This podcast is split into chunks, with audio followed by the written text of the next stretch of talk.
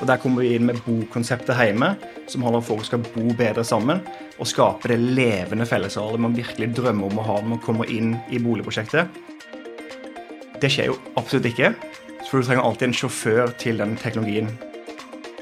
Et av de kuleste prosjektene vi skal jobbe med nå framover, det er jo Fyrstikkbakken. Vi har nok fått en bedre tech-utvikling pga. den fysiske tilstedeværelsen. Da har vi flere eksempler der det har vært gjerne tre-fire prosjekt i samme område. Eh, og så kommer du inn, og hvis, og hvis, du klarer å male et godt bilde av fellessalene med gjestelighetene, hva enn det er for noe, og hvilken betydning det har for meg som boligkjøper, så er det dit de trekkes. Proptech til frokost med Silje og Daniel. En podkast fra Estate Media og Proptech Norway. Velkommen til en ny episode av Proptech til frokost. Daniel Buttensjøen, CEO i Proptech Norway. Han styrte showet da jeg var i mammaperm. Nå er det min tur til å styre skuta når han er borte. Og jeg har vært veldig heldig og fått med meg Henrik Taubøl, som er en av gründerne av Proptech Norway. Han stepper inn. Det som er så fint med Henrik, er at han sier jo aldri nei. Eh, hvis du spør om enten om han vil stille opp på en scene, et intervju, en video eller pod. Velkommen til deg, Henrik. Tusen takk, Silje. Tusen takk for en hyggelig introduksjon. Jeg måtte jo si ja til å være med her med så fine gjester og så fint eh, program, så det var veldig hyggelig å komme. Hva er det du sier nei til, egentlig? Ja, Det kan du spørre, spørre om, eh, men eh, det får vi se, da. Jeg stiller opp ja, når du trenger, trenger hjelp, og syns det er hyggelig å være med her i dag. Det er bra. Eh, før vi setter i gang, så tenker jeg eh, Kan ikke du ta en sånn kjapp oppdatering på hvordan det ser ut i proptech-markedet nå? Jo, det har jo vært eh, veldig mye turbulens det siste året, hvor, hvor eh, kapitalmarkedene har tørket eh, inn. Og vi ser jo at det har skilt seg veldig fra veldig mange som er ute leter etter penger nå. Noen gjør det faktisk veldig bra, nesten bedre enn tidligere. Henter mye. Eh, noen sliter jo veldig med, med, å komme videre. og Jeg tror dette blir et sånn skjæringspunkt for en del, særlig kanskje også plattformteknologi osv., skilles ut. Og, og, noen går videre, får eh, mye oppmerksomhet. Noen eh, vil, vil slite i større grad. Litt sånn vinn eller forsvinn? Litt vinn eller forsvinn om dagen. Eh, vi ser også en del store internasjonale investorer hente mye penger til å investere i Proptech. Veldig mange av disse ulike investorene vi jobber med, som vi snakker om, eh, sier at de nå skal investere i både eiendom og Proptech. Johan Bakkes Genera f.eks. går ut med eiendom og Proptech-satsing. Så en del av disse eiendomsaktørene som, som, begynner å inkludere Proptech mer naturlig inn i økosystemet i de, og investeringskategoriene sine. Så det, det, er interessant. Men jeg tror nok dette blir en veldig avgjørende tid for mange selskaper på basis av for å finne ut liksom, hvem er sterke nok, hvem har et solid nok produkt, og hvem har, har ikke det. da. Og Der har jo særlig selskaper med en god omsetning og god kundebase. da, Ikke bare en idé. De vil ha en god, eh, godt utgangspunkt nå. Spennende. Men dagens gjest, det er eh, Christian Skjelbakken. Sa jeg det riktig nå? 100% riktig. Ja. Salg- og markedssjef i Heime Proptech. Det er veldig hyggelig å ha deg her. Veldig hyggelig å være her. Daniel er jo kjent for å kjøre liksom voldsomme, detaljerte presentasjoner. Eh, men jeg tenkte at jeg skal ikke prøve å begi meg ut på det, for jeg vet at jeg vil ikke være i nærheten av det, å få til det han gjør. Men på hjemmesiden deres så står det 'Gi oss ti minutter, så skal vi fortelle mer om hvordan Heime kan inngå i ditt prosjekt'. Så da tenker jeg, Christian, hvis jeg hadde ringt dere nå, hvordan ville du forklart selskapet? Og hvordan ja, dere kunne inngått i et prosjekt? For det første så har jeg sagt vi trenger mer enn ti minutter. uh, Men, vi, har, vi, har, vi, har, en halvtime, og det kommer flere spørsmål. Ja. Eh, nei, Jeg hadde begynt litt med hva vi egentlig holder på med. da. Vi er jo et proptech-selskap med fokus, eller kjerneverdi i sosial bærekraft. Og så er sosial bærekraft et ganske bredt begrep. Det er ikke én definisjon som er den sosiale bærekraften, men det er mange veier som fører til bærekraften som vi jobber med. da. Eh, og da har vi en grunnmur som vi skal komme litt mer inn på senere, som er, liksom det, det vi mener er definisjonen på det. Men eh, i starten så er det nummer én vi er med på eh, å organisere fellessalene som er i ditt boligprosjekt. Alt fra fellessal til eh, med gjesteleiligheter, selskapslokaler og NDF noe, og mobilitetsløsninger. Eh, og så er det jo sånn her at Man maler gjerne bilder av gull og grønne skoger i prospekt med hva fellessalene skal innebære, og har ikke en konkret plan til det på hva som egentlig skal skje der. Og Der kommer vi inn med bokonseptet hjemme, som handler om folk skal bo bedre sammen og skape det levende fellesskapet man virkelig drømmer om å ha når man kommer inn i boligprosjektet. Eh, med egentlig litt den problemstillingen som man har sett, at folk flytter tettere og tettere.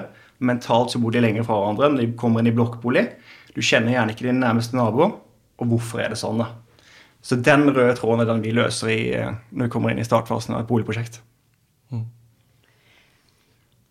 Men er det sånn at nordmenn faktisk trenger da hjelp til å snakke med naboen og sosialisere i et boligprosjekt? 110 faktisk. Eh, Det er fordi at eh, vi nordmenn, hvis du spør folk eh, i utlandet, så er vi kanskje kjent for å være litt kalde.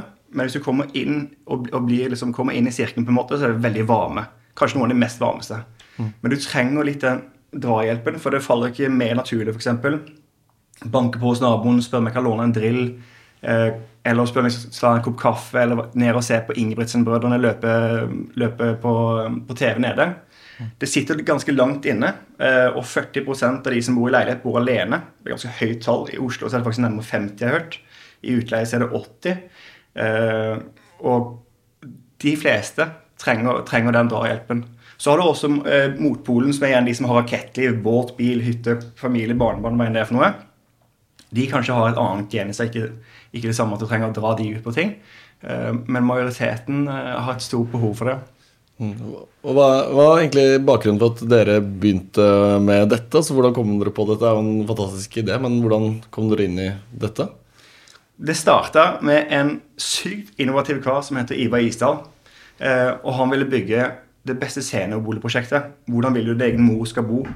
Og det kom også litt med at eldreomsorgen i Norge er for å si det rett ut, elendig. Du sitter med hvite vegger, hvite senger, hvite laken, ingen snakker med hverandre. Du sitter nesten bare og venter. Jeg sjøl jobber i helsa, så jeg vet liksom eh, at bemanningen per, per beboere eller per som eldre er ganske liten. Uh, man tenkte ok, jeg skal starte et prosjekt der jeg virkelig ønsker å bo sjøl. Uh, og så er det sånn ok, hva er, hva, hvordan skal det se ut hvis jeg skal ønske å bo der? Uh, og da skrev jeg ned ting på et lapp. Og det var ene var jeg ville kunne ta et glass vin. Jeg vil kanskje få underholdning, intim konsert, standup-show. Jeg vil kunne ha litt farge og litt spennende ting rundt meg. Men jeg vil også kunne få nye kjennskap. For en ting som er bevist, er jo også, som man har tatt med i filosofien der, er jo at det spiller ikke noen rolle hvor mye penger du har på den helsa du har når du får eldre, men det spiller noen rolle på hvilken omgivelse du har. Eh, og da begynte i 2016 med det prosjektet der, hvordan skal du skape det beste sceneboligprosjektet. Eh, skrev de tingene ned på papiret og så tenkte man ok, dette kommer, du trenger også noen som skal organisere det og styre det. Og ut ifra det så kom Heive, da. Eh, og da var det egentlig for, for, for å faktisk få gjennomføringsevnen til det som skal være der. Og da lærte vi en interessant ting, faktisk, som er, når du er inne på det her med teknologi. er det at Vi tenkte ok, nå har vi et bookingsystem. Vi legger til rette med 500 kvadratmeter fellesarealer på 38 boliger. Eh, vi gir dem teknologien, og så kommer alt til å skje sånn som vi drømmer om. Det skjer jo absolutt ikke. For du trenger alltid en sjåfør til den teknologien. Og den sjåføren for oss ble jo bokonseptet vårt hjemme, som handler om folk som bor bedre sammen. Og sammen så hadde de en enorm synergi. da. Så vi starta som seniorboligkonsept, og nå er vi for alt utenom velforeninga. Men jeg har jo tatt den til hjertet, faktisk. For vi sier jo 'Hvor vil du din egen mor skal bo?' Så den første velforeningen i Norge som prøver hjemme nå, er der min mor bor. Så det er virkelig som du har eid, eid mine egne eh, ord. da. Og de har nå dugnad, de skal ha sankthansfeiringer, de deler på bryggeplass, tilhengere. Virkelig tatt det til, til seg, da. Men alt det her skjer ja. gjennom en app. Alt skjer gjennom en app, ja. Og hvordan, hvordan legger dere opp den appen da? Eh, nummer én, du må begynne tidlig. Eh, og så er det Du må ha en fysisk tilstedeværelse også. Eh, for Vi pleier å si at alle liker å danse, men du vil gjerne ikke være først på dansegulvet. Eh, og da er vår fysiske tilstedeværelse det som får det i gang i starten. Så når vi legger opp plattformen, så er det gjerne faktisk fra når spaden går i jorda på boligprosjektet. Så prøver vi å senke terskelen og skape tilhørigheten i prosjektet før de allerede har flytta inn med fysiske samlinger. Det kan være show, det kan være mat, det kan være hva enn det er for noe. Som og, og i den prosessen så kartlegger vi da ildsjeler. Vi kartlegger hva de vil ha eh, av beboeravtaler, hva enn skal, som skal være i prosjektet. Så før de allerede har flytta inn og hatt ombordingsprosessen til plattformen, så har de allerede møtt hverandre og sunket terskelen for det å si hei til hverandre, hva enn det er for noe. Og i det du da går over dør, dørstokken, da, så, så er alt mye lettere for å få i gang videre ombordingen. da. Vi begynner tidlig. Ja, her er jo et sånn klassisk eh, dilemma også for en del Proptech-selskaper. da, Siden vi er i en Proptech-podkast, så er det jo ofte sånn de selskapene som faktisk har en idé som virkelig får traction, så, så man begynner med å lage en app, kanskje, begynner med teknologien, og så får du masse henvendelser, og så må man bruke tid på å håndtere det fysisk. ikke sant? Du, som du snakker om å dra ut til mange ulike sameier, gjøre den jobben. Hvordan balanserer dere det fysiske tilstedeværelsen og det å få i gang alle prosjektene med liksom utviklingen av teknologi eh, og den proptech-biten deres? da? Det har utfordra oss enda mer på å virkelig linjeføre hvordan teknologien skal være for, få, for, at det skal være enklere for beboerne. For i starten her så er det gjerne største kjøpegruppa som kommer i nybygg, kommer fra en enebolig til, til leilighet. De gjerne ikke hatt en arbeidsdag med masse teknologi. Og hvordan skal du få de til å bruke teknologi? Så Derfor var vi kanskje spesielt avhengig av det fysiske i starten. Og da måtte vi tenke på okay, hvordan skal vi utvikle teknologien for denne kjøpergruppa, men samtidig som den også er passende for de andre. Uh, og vår ting der er at uh, når vi kommer inn som et plusskonsept, så er det ikke vi som skal, vi skal ikke distansere deg fra nabolaget ditt, men vi skal gi deg eierskap til nabolaget ditt. Og igjen gi deg entusiasme for å ønske å lære teknologien som vi har laga til deg. Uh, og det gjør vi med å igangsette ildsjeler og få de til å dra ballen i gang. Eh, eh, de til å dra ballen i gang og gjøre det prosjektet som vi egentlig har sagt, sammen med oss. Så det er vi som kommer inn som en ekstern resepsjonist, f.eks. Mm. Og da må du tenke på teknologien. Hvordan skal den ha en rød tråd i hele prosjektet, da. Mm. Men får dere tid til å jobbe med teknologien når dere da er ute i de nabolagene? For det blir jo litt sånn Jeg vet ikke hvor mange dere er i selskapet, men jeg tenker sånn hvis alle skal være ute og snakke med folk og være litt sånn hobbypsykologer for å se hvem som er ildsjeler eller ikke, så blir det vel Er det ikke litt vanskelig da også å liksom sånn jobbe med det som er uh, hovedoppgaven? Egentlig ikke, for vi har fått, uh, nå har vi jo fått en enorm erfaring på det. Uh, og da har vi lært oss å automatisere de tingene som vi kanskje brukte lengre tid på før veldig raskt og veldig godt nå. Så vi kan ha mer fokus på å gjøre teknologien lettere, faktisk. Så et enormt godt tech-team. Eh, spesielt TTO-en vår som er, eh, kom fra Veni til oss, faktisk. Kristian Akstad Eh, han er sånn som man kan bare se for seg treet. For du får gjerne ganske mange tilbakemeldinger fra de som er rundt deg på hva er det de vil ha i hverdagen sin. Og så bare strømlinjer det. Mm. Så vi, vi, har fått, vi, har nok fått en bedre tech-utvikling pga. den fysiske tilstedeværelsen. For da hører du mer ok, hvordan kan du gjøre denne ting lettere og denne ting lettere. Og målet er jo ikke at vi skal sitte og ha en fysisk tilstedeværelse over lengre tid. Det skjer kanskje det første året. Og så går man ut, fases ut, og så er det styret som tar mer over den rollen vi kanskje hadde. Og så er det teknologien som skal være det som gjør det selvgående. Mm. Så den er jo bærebjelka vår, da. Ja. Det, det, har vært mye snakk om kunstig intelligens uh, eh, osv. Så, videre, så på lang sikt så, så, tenker dere at man kan bruke det til å utvikle liksom, nye konsepter og videreutvikle appen? Eller det, tenker du at kanskje det menneskelige touchen er det viktigste her? Det er et veldig godt spørsmål, faktisk. Mm. Du vet jo aldri hvilken teknologi som kommer til å endre måten du tenker på i dag. Så det er veldig spennende, og derfor må du alltid ta inn over de forslagene som kommer inn, som kan gjøre ting lettere og bedre. Uh, men i dag så ser vi da med å skape entusiasme for å ønske å ta i bruk teknologi, mobilitet, fellesskap, hva enn du har å tilby i prosjektet, så må du ha et lim. Og det limet for oss er sosiale aktiviteter, den sosiale bærekraften. For hvis du har opplevelser med de rundt deg, du ler litt du skaper minner, mm. så tar du det bedre bruk. Så for å få opp dekningsgraden, bruken på alt det tekniske, så må du ha kjerneverdi i mennesket. I dag, i hvert fall. da. Mm. Uh, og det er jo vår kongstanke, egentlig, at mennesker skal komme fremst. da. Med Life at Work fra VNI er alle byggtjenester samlet i én løsning. Med én og samme app for alt av adgangskontroll og parkering. Til booking av møterom eller matbestilling kan du som gårdeier ta grep om dine verdier og skape en enkel og sømløs hverdag for dine leietakere. Finn ut mer på veni.no. Men dere går bare inn i nybyggprosjekter, eller kan dere sette i gang med det her i resterende prosjekter òg? Uh, jeg vil si 90, kanskje 97-98% av det vi jobber med, er nybyggprosjekter.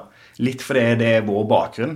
Eh, og nettverket det kom litt naturlig inn. Og så er det vi ønsker å være med i en veldig tidlig fase egentlig for regulering. Og da er det mer naturlig å jobbe med de tingene. Men vi får flere og flere etterspørsler nå fra etablerte sameier, og boligbyggelagene ønsker å selge det inn til sine etablerte sameier. Så vi har begynt å få flere og flere av de. Eh, men hovedfokuset har vært nybygg og utleie, egentlig. Eh, men nå kommer jo forespørslene fra etablerte, så det er like aktuelt for de. Ja. Men hvordan tjener dere penger her? Er det da eh, den perioden dere er inne i prosjektet, eller vil dere liksom fortsette å tjene penger så lenge appen er i bruk, eller hvordan er det? Det var enda bedre spørsmål. Nei, eh, vi har en ganske god eh, Vi har et godt oppsett på det, som, eh, som går på beboerne og på utbygger. Så utbygger er med å ta en stor satsing for beboere, mens det er også beboere som holder den langsiktige driften oppegående. Ja. Men da det er jo spørsmål også Noen utbyggere vil jo kanskje tenke at eh, ja, men jeg bare utvikler prosjektet, selger det unna, så er jeg ferdig med det. Selvfølgelig er det bra med en suksesshistorie, sånn som dette her å komme på NRK og andre sånne ting, ting som dere har vært på. Men at eh, noen tenker at jeg bare bygger ut dette, og så er jeg ferdig. Så hvilken interesse har utbyggeren i, i prosjektet da videre, takterrassen som eh, de har bygget, den, eh, om den er i bruk eller ikke når de er ute. Eh, Hva tenker du om oppsiden for utbyggerne?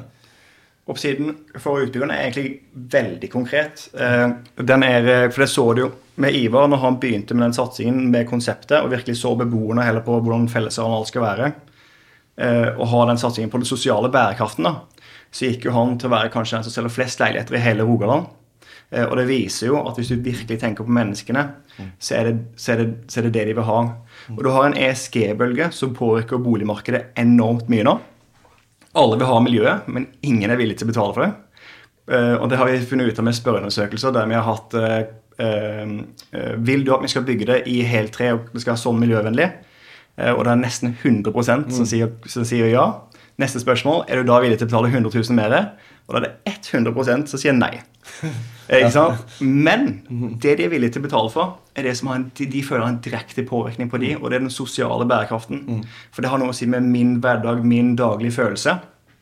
Og, og av det så ser boligkundene forskjellig på hva de skal ha i et prosjekt. nå. Så utbygger det er en bølge som kommer nå som du blir litt tvunget til å være med på nesten.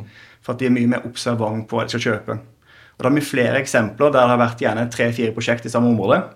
Eh, og så kommer du inn, og hvis, og hvis du klarer å male et godt bilde av fellessalene, gjesteleilighetene, hva enn det er for noe, og hvilken betydning det har for meg som boligkjøper, så er det de trekkes. Så Derfor vil også utbyggerne ha de, for det gir de altså, ganske mye bedre salg. da. Og Det er uh, veldig interessant. Altså, det har vært mye snakk om eh, ESG, og da S-en i ESG har jo vært uh, tidligere litt underkommunisert, men, men det som er en viktig del av det. For man kan jo oppfylle kriterier på mange måter, og det med sosial bærekraft er jo veldig uh, viktig en del av det. Så, så det er jo en oppside også for, for utbyggerne der. Vi, ja. Hvilke prosjekter er det dere har gående nå fremover? Er det mange store prosjekter som kommer?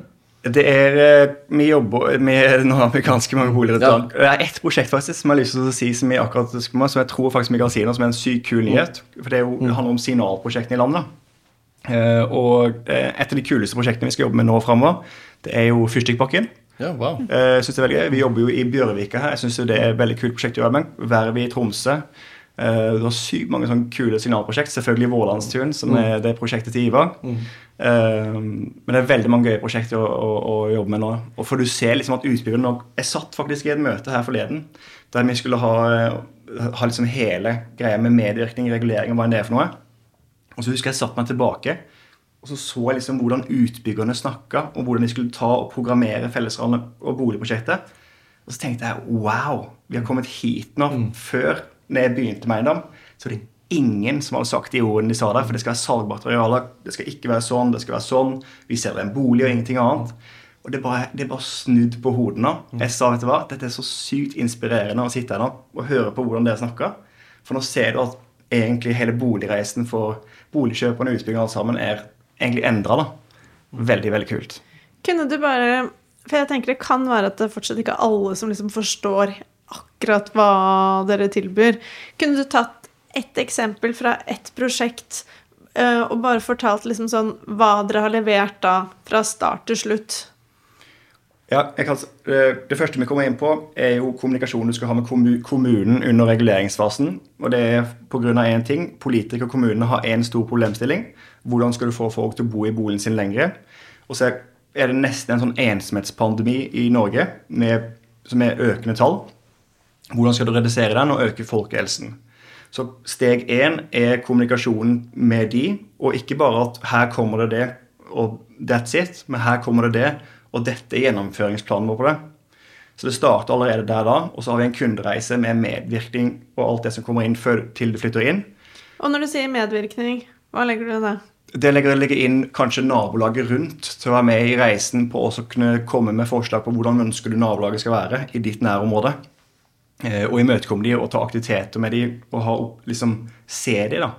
Hovedproblemet også i boligreisen til de fleste er jo gjerne igjen majoritetsgruppa kommer fra enebolig leilighet. De har aldri kjøpt nybygg før. Kjøper du nybygg, så er det ingen som snakker med deg på to år nesten, fram til du skal ha tilvalgsprosessen din. Hvis du da kan bli inkludert i hele reisen som bolig, boligkunde, da. Nummer én så øker du kvotien din, og du blir mer fornøyd som boligkunde. Men når vi har tatt den reisen der, og spaden har gått i jorda, de har flytta inn, vi har jobba opp med å finne ildsjelen og alt som skal inn i prosjektet, så er det jo eh, organiseringen av fellesarealene med, med ja, hvordan skal det settes opp, mobilitetsløsninger, sykkel, bil, hva enn det er for noe, eh, og aktivitetene. Og da får vi ildsjelene med oss i, i ryggen, og de er med liksom sånn Hva skal vi egentlig begynne med her? Lager gjerne et årshjul, faktisk, på at sånn vil det være å bo i Prosjekt X det første året. Og det er hovedkjernen vår tradisjoner. Hvis du er barn, så skal du huske, huske at du har vokst opp der, og eh, du skal få en enorm tilhørighet. da. Men dere har litt sånn delingsøkonomi eh, Ja. ja. Det vi, har, vi organiserer hobbyrom og delerom, så folk kan gjøre det på to måter. En er fysisk rom, der eh, vi utsmykker delerommet sammen med utbygger. Og Det kan være alt fra telt, verktøy, hva enn det er for noe. Jeg ble veldig overraska, for jeg så sånn Hva er det som deles mest i Norge? På en topp ti-liste på delerom. Og på sjetteplass så ligger Slagborg. Så tenkte, jeg, så tenkte jeg det er ikke noe du forventer i nybygg. Men det er interessant å se på. det. Eh, Så den ene er vi kan sette det opp sånn med, med utbyggerne, og den andre er virtuelt delerom, der jeg kan ta bilde av min egen bil, parkering, hva enn jeg har for noe, og dele med de som er rundt meg. Og det er bedre for miljøet, bedre for lommeboka, og, og um, kan måle CO2-utslipp på lengden på det vi skal gjøre der. da. Så det blir veldig bra. Snakket eh, også med Obos eh, Living Lab, som sa det nettopp det at eh, det var et vaskerommet var et av de stedene hvor det var flest folk som delte plast, altså møttes og sosialt. da, For det var kanskje litt høyere terskel for å møtes i, i liksom et organiserte fellesarealer, men, men der var det litt sånn lavere terskel. da, Og det er jo litt det dere bryter ned også. Terskelen for liksom å Ja. dele for å møtes uh, sånn, da, uten at det må være på vaskerommet, men at det liksom ikke blir kleint finere og, ja, ikke blir kleint å, å ta og møtes da, eh, Ja. rundt omkring i bygget. Men eh, hva slags ja, Du sa hva som ble delt mest, men hva slags arealer er det Hvor er det folk oppholder seg, og hva, hva er det som er mest populært da?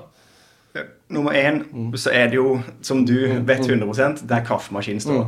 Du må ha en unnskyldning for å komme ned. Hvis jeg sitter alene i min bolig, så er det sånn Det skal mye til for at som jeg sa i stad, å spørre noen om å gjøre noe med meg. Men hvis du tilrettelegger en unnskyldning for å gå dit, som bare ta en kopp kaffe, lese dagens avis eller ha et bibliotek, eller hva enn det er for noe, så er det mye lettere for meg. Og det kan også være så enkelt faktisk som at du har med loungeområde eller fellesareale har du en digital skjerm så det kommer litt spennende ting på. Så er det også unnskyldningen min for å komme ned dit. Så De mest populære rommene er loungeområdet, selskapslokalene, der du naturlig kan sette deg ned og ta en kopp kaffe og lese en avi- avis, se på TV, sportsfilm, og enn det er for noe. Men kaffemaskinen er ofte et sjakktrekk. Og det vet jeg jo du vet uh, fra, fra din fortid, at det er jo 100% dit man trekkes. da. Um, så det er ve ve veldig um, Det er gøy å se egentlig hvordan man kan strukturere det opp. Men det virker jo som det er liksom et hav av muligheter her i den appen. Eh, setter dere noen begrensning, eller tenker dere bare sier ja til alt? Nei, vi har vår kjernemotorvei, og der så vi bedratt litt mye i starten. For når vi får Vi nærmer oss jo 18 000 boliger i Norge nå. Det er mye. Eh, det er ganske mange. Og da får du også ganske mange forslag. Eh, og så kan du lett bli revet med, for du tenker oi, nå vil jeg imponere her, eller oi, det vil, det vil jeg imøtekomme, det syns jeg også var kult. Da må du hele tida samle deg sammen og så se hva er vår motorvei. da.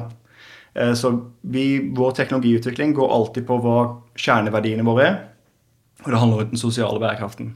Så, så lenge det har noe som kan gjøre den bedre, så implementerer vi det. Men hvis ikke, så må det siles litt ut, da. Eh, men målet med Heime er jo også at vi skal kunne, istedenfor å jobbe mot folk, med folk, det gjelder da nærområdet. Vi kan integreres inn med eksempel konserthusene, turistforeninger, boligbyggelagene, hva enn det er for noe. Så du som eh, boligkjøper har alt på én plass. Men det handler ikke om å utvikle det sjøl, men heller samarbeide med andre som er flinke på noe ikke du nødvendigvis ønsker å være flink på, for å ha- en god, solid plattform. da.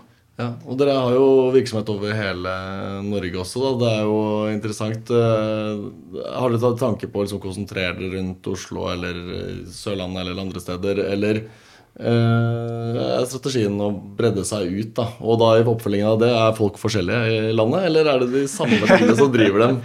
De, de er forskjellige. Jeg merker forskjell fra nord og sør. Hva er den største forskjellen der? Er Eh. I nord så er det jo eh, I, i sør sånn så er det gjerne strikking, og i nord så er det strikk og drikk. Eh, så litt, litt så, småting, men så er det også utrolig mye fellesnevnere. Eksempel på fellesarealer og behovene der, det er ganske likt. Eh, men men eh, merker mer forskjell på aldersgruppene som kommer inn, enn hvor du kommer fra, egentlig. Eh, men hovedpunktene våre nå er jo egentlig Rogaland, der er vi gjerne størst, og Oslo har vokst med rakett. For her merker jeg, jeg merker bare fra vi begynte, så var det sånn du snakka med utbygger for Oslo. Så er det sånn, Vi planlegger budrunden, ikke, ikke det her. Og hvorfor skal vi tenke sånn på den måten? Så sosial bærekraftsatsingen i Oslo føler jeg kommer til siste året, egentlig nesten. Eh, Før det, men virkelig virkelig skyte opp som en rakett. Og nå ser jeg noen av de flinkeste utbyggerne jeg vet i landet, sitter jo her i Oslo nå, for de har så enormt tatt det inn over sjøl. Det sitter i ryggmargene på så kort tid. Eh, og Derfor har Oslo også vokst veldig raskt, for her er det en ellevill satsing på sosial bærekraft nå. Det er hyggelig med litt skryt av utbyggerne her. Ja, det, det er, eh, jeg, har, jeg har aldri sett noe endre seg så fort og så strømlinjer. Så det er ganske kult å følge med på. Så Oslo og Stavanger er vel våre største byer. Og så har vi en pilot i Tyskland nå, faktisk. Ja, Ja, for det var det neste spørsmålet. Eh, ser dere på utlandet? Eh, Ja, det, det er jo, jeg skal si, Dette er jo en pilot som jeg prøvde på den. Han skal ha en gård som skal være selvdyrkende. Alt skal gå av seg selv, men De har seks biler de deler. De skal dyrke sine egne grønnsaker og være selvforsynt. da. Han Det er sett- veldig kult. Ja, det er veldig kult. Så det er litt utenfor Dortmund i Tyskland, faktisk. Seks boliger. Så, men, men Men selvforsynt, Ja, Ja, det, var, det er ballsy, syns jeg. ja, veldig. Og så skal det organiseres gjennom hjemme, da. ja. Så um, Men andre storbyer, lignende prosjekter, er det noe sånn dere ser på? Åpenbart er det Tyskland også tester ut. da Hvis noen har sagt at jeg skal organisere en, noe i Danmark da, eller i Stockholm, da hadde du tatt den, eller eh, fokuserer dere her først? Hovedmålet er jo selvfølgelig at vi får Norge akkurat sånn som man ønsker å ha det. Men det, vi har egentlig gjort en vanvittig reise der. Eh, Og teknologien har blitt der nå at du kan implementere den lett i andre land. Ja. Eh, Så der er det teknologien som er bærende hvis du skal inn i andre land. Nå er det jo en test der, men, men eh, målet er jo ikke å være Norges ledende aktør innenfor sosial bærekraft, men Nordens. Og da må du begynne å tenke på de tingene. Mm. Har dere noen konkurrenter? Vi har hatt en del som har tenkt på å gjøre det samme, som vi nå heller har en whitable-løsning med å samarbeide. Vi er veldig flinke til å skape samarbeid istedenfor å jobbe mot andre, for man blir alltid best sammen. Eh, og det er vår igjen kjernestrategi. Kanskje derfor også vi er på sosial bærekraften. Liker å være mennesker. Eh, så eh, det kommer nok. Ja, det kommer noe. Proptech til frokost med Silje og Daniel. En podkast fra Estate Media og Proptech Norway.